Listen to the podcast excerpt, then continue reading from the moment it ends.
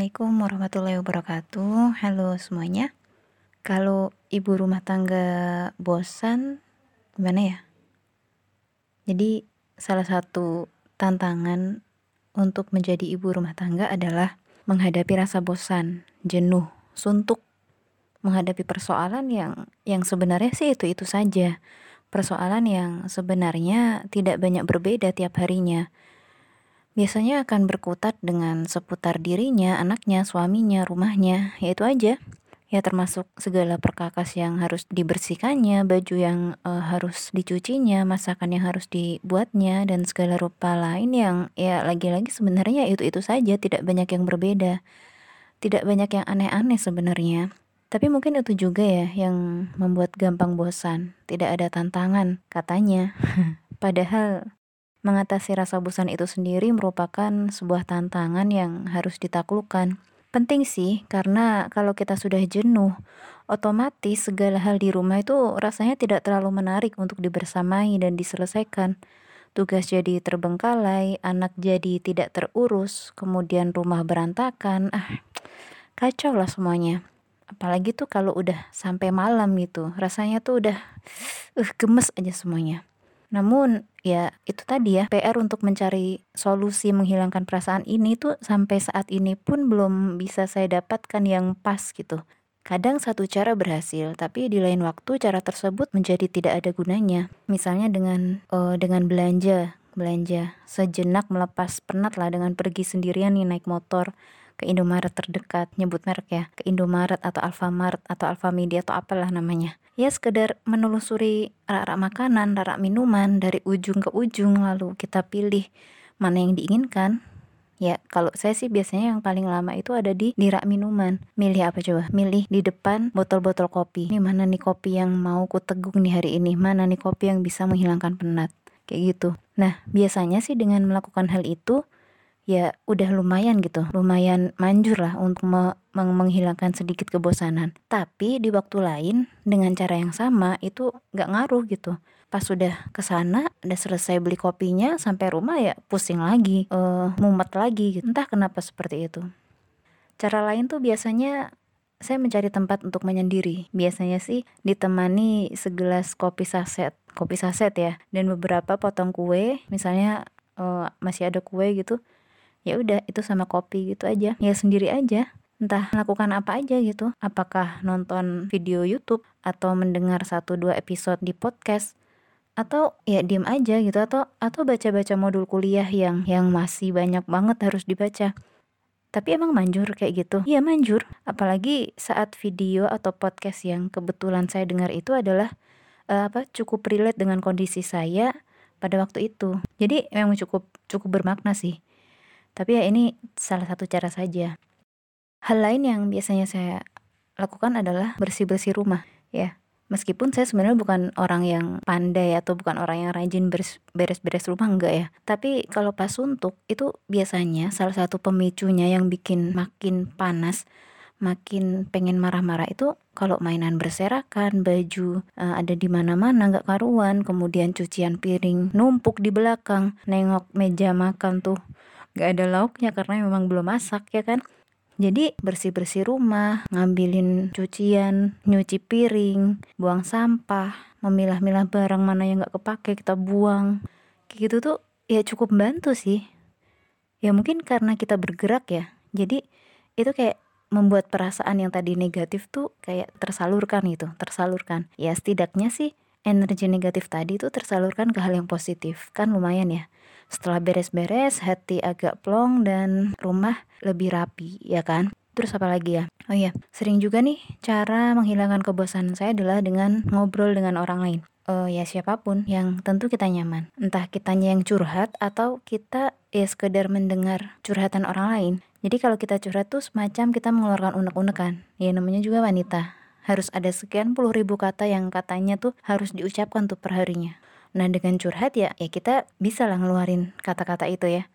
Tapi yang perlu diperhatikan ya, kita harus milih-milih teman yang yang bisa menerima curhatan kita. Jangan sembarangan, ya.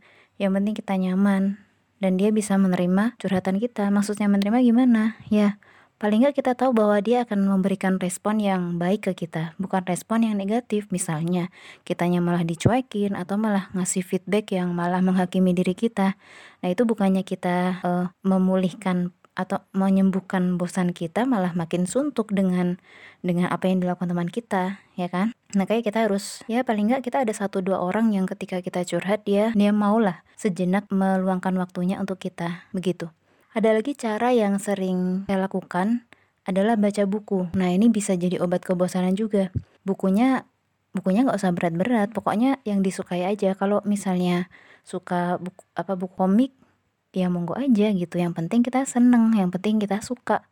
Atau mau buku yang lebih apa ya lebih berbobot gitu ya. Misalnya uh, apa pengembangan diri lah. Atau mungkin bahkan sampai ke siroh siroh ya kisah sahabat dan sebagainya itu malah bagus sekali. Bisa menambah pemahaman kita menambah pengetahuan kita dan mungkin menambah semangat kita gitu biar perjuangan kita tuh lebih wah biar, kita lebih semangat lagi seperti itu. Dan yang paling manjur sih biasanya tuh baca Al-Quran ya ya meskipun nggak banyak ya satu dua halaman itu cukup berpengaruh sih bagi jiwa kita yang lagi aduh lagi gelisah nggak jelas tuh biasanya tuh butuh Quran untuk dimasukkan ke dalam hati supaya kan dengan mengingat Allah kita jadi tenang. Nah di situ kuncinya. Tapi jangan terlalu ditarget banyak-banyak ya maksudnya ya kalau belum biasa banyak ya udah dari dikit-dikit aja. Yang penting kita membaca gitu ya. Nanti kalau udah terlalu banyak nanti kita jadi keberatan. Itu sangat bisa menjadi energi bener serius tapi sebenarnya inti dari segala kegiatan-kegiatan tadi tuh kita beralih dari rutinitas sehari-hari kita kepada hal yang kita sukai gitu. Bagus lagi jika hal yang kita sukai itu ternyata merupakan sesuatu yang memang bermakna, memang bermanfaat. Uh, tadi di awal kan sudah saya bilang ya bahwa menjadi ibu rumah tangga itu masalah dan yang dihadapi sehari-harinya ya sebenarnya itu-itu saja. Tapi uh, tapi cenderung karena itu-itu aja tidak tidak apa ya tidak kayak tidak ada tantangan gitu. Jadi kayak ya terlalu datar-datar aja. Jadi itu yang bikin bosan, bikin jenuh. Belum lagi kalau kita harus berhadapan dengan drama anak-anak dan suami setiap harinya. Wah, itu tambah tambah makin makin memperparah kejenuhan sih, seperti itu. Jadi memang sebaiknya kita tuh sudah punya sekian list aktivitas cadangan atau ya katakan apa ya sebutannya mungkin me time kali ya untuk membangkitkan kembali energi kita ibarat baterai kan perlu diisi ya ya jiwa seorang ibu pun ya ada kalanya akan melemah kalau kata seorang psikiater tuh kita tuh punya kayak willpower gitu, semacam baterai. Ketika bangun tidur itu biasanya baterai kita tuh penuh. Makanya kita masih semangat, kita sangat semangat ketika bangun tidur. Kita kerjakan banyak hal, kita masih fresh lah pokoknya pikiran. Tapi waktu kan berlalu ya, pagi, siang, sore, malam.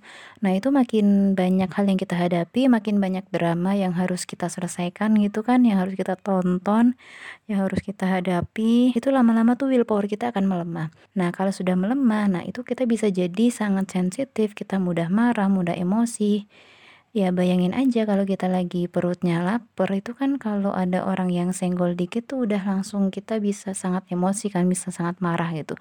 Ibaratnya senggol bacok gitu kan. Nah, itu juga dengan berlaku dengan willpower ini. Kalau dia udah makin melemah ya kita udah kesulitan lagi mengontrol diri kita. Makanya kita harus uh, harus cari waktu untuk mengisi kembali baterai diri kita gitu, baterai jiwa kita. Dan kita harus tahu nih kegiatan-kegiatan apa, hal-hal apa yang bisa kembali mengisi jiwa kita itu. Nah, gitu sih teman-teman. Uh, terutama para ibu ya, ya kita sama-sama berjuang sih. Saya sudah menjadi ibu rumah tangga juga memang belum lama ya. Mungkin baru sekitar lima tahunan, tapi ya itu tadi sampai saat ini masih terus berkutat dengan naik turunnya semangat, mood, bosan yang sangat sering hadir. Apalagi di tengah pandemi seperti ini, waduh, makin-makin kita sangat rawan terkena virus kejenuhan. Eh, yang tadinya kita bebas melenggang ke Indomaret kalau bosen, sekarang mau ke tukang sayur aja mikir sekian puluh kali. Ya tapi nggak apa-apa sih. Sebenarnya masih banyak cara lain untuk mengurai rasa bosan, termasuk salah satunya saya menuliskan artikel sederhana ini, saya menuliskan uh, tulisan sederhana ini, saya membuat podcast ini meskipun rekamannya harus sembunyi-sembunyi, nunggu anak-anak tidur dan sering kali terganggu dengan anak-anak yang yang masih asik main di di luar sana, jadi mungkin akan terdengar ya suara anak-anak di rekaman podcast ini tapi semoga tidak menjadi masalah Tapi masa-masa seperti ini kan daripada bosen, ya ya ya itu tugas kita lah. Kita harus bersemangat gitu, tetap tetap bersemangat belajar. Karena banyak sekali wadah, fasilitas, tempat kursus online dia menyediakan paket-paket belajar ya keterampilan-keterampilan tertentu banyak banget keterampilannya. Kita pilih aja yang kita sukai, kemudian kita belajar, kita hasilkan karya kita. Ya, kayak gitu aja. Itu sangat cukup ampuh mengurangi kebosanan dan kejenuhan. Dan itu sangat menambah apa ya kayak wah aku berdaya loh. Oh aku aku aku ada gunanya gitu. Seperti itu. Nah, kita dalam berkarya itu kita tidak perlu berekspektasi bahwa karya kita akan dilihat oleh sekian juta orang, jangan. Jangan seperti itu. Cukup kita berkarya untuk diri kita sendiri atau bahkan sekedar ada satu orang yang merasa ber, merasa apa ya, merasa e, terkena dampak positif dari apa yang kita hasilkan itu atau paling nggak merasa berterima kasih gitu dengan apa yang kita uh, hasilkan atau satu loves aja yang diberikan oleh teman kita itu sangat cukup untuk menjadi alasan untuk kita lanjutkan karya kita berikutnya gitu. Jadi apa pun yang terjadi saat ini kita harus belajar berkarya meskipun kita hanya ada di rumah saja meskipun kita masih berjuang dengan segala eh, ujian-ujian sebagai ibu rumah tangga. Oke teman-teman, masih bosan? Ya itu tadi. Temukan kebahagiaanmu, kita berjuang bersama-sama. Sekian, wassalamualaikum warahmatullahi wabarakatuh.